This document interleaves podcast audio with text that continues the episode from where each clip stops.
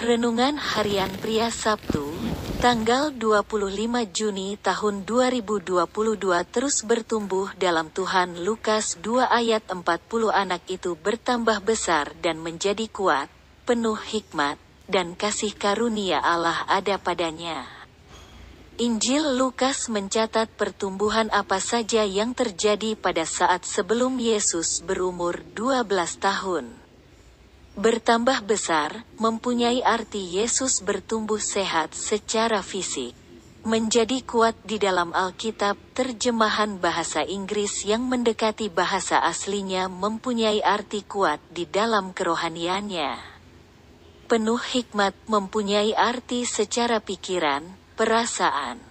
Perkataan dan perbuatan Yesus kecil sudah nyata hikmat Tuhan ada padanya dan kasih karunia Allah ada padanya. Kita ingat bahwa Yesus datang sebagai manusia yang tidak menggunakan keilahiannya.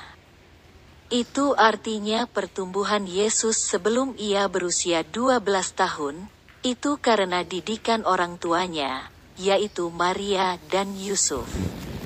Dalam bangsa Yahudi, kita dapat mengetahui dari Perjanjian Lama bahwa orang tua, khususnya bapak-bapak, harus bertanggung jawab untuk mendidik anak-anak mereka. Jadi, dari kisah Yesus kecil ini, kita mendapatkan kebenaran yang harus kita praktekkan baik bagi kita sebagai orang tua atau kita sebagai anak-anak, remaja, dan orang muda. Sebagai orang tua, kita harus menolong anak-anak kita bertumbuh. Dan sebagai seorang anak, kita juga harus terus bertumbuh di dalam Tuhan. Pertumbuhan seorang anak harus terjadi di bidang jasmaninya. Tumbuh sehat dan kuat. Terjadi juga pertumbuhan di dalam kerohaniannya.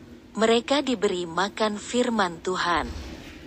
Ingat Timotius dari kecil sudah diajarkan kebenaran firman Tuhan juga bertumbuh dalam hikmat, yang berarti jiwanya bertumbuh sehat dan kuat. Dan kasih karunia Allah ada di dalam kehidupannya, marilah kita juga terus bertumbuh di dalam Tuhan. Refleksi diri, apa yang firman Tuhan katakan kepada Anda? Bagaimana kehidupan Anda dengan firman Tuhan itu? Catat komitmen Anda terhadap firman Tuhan itu. Doakan komitmen Anda itu, pengakuan iman. Di dalam Kristus saya terus mengalami pertumbuhan rohani setiap hari, menjadi lebih kuat dalam Tuhan.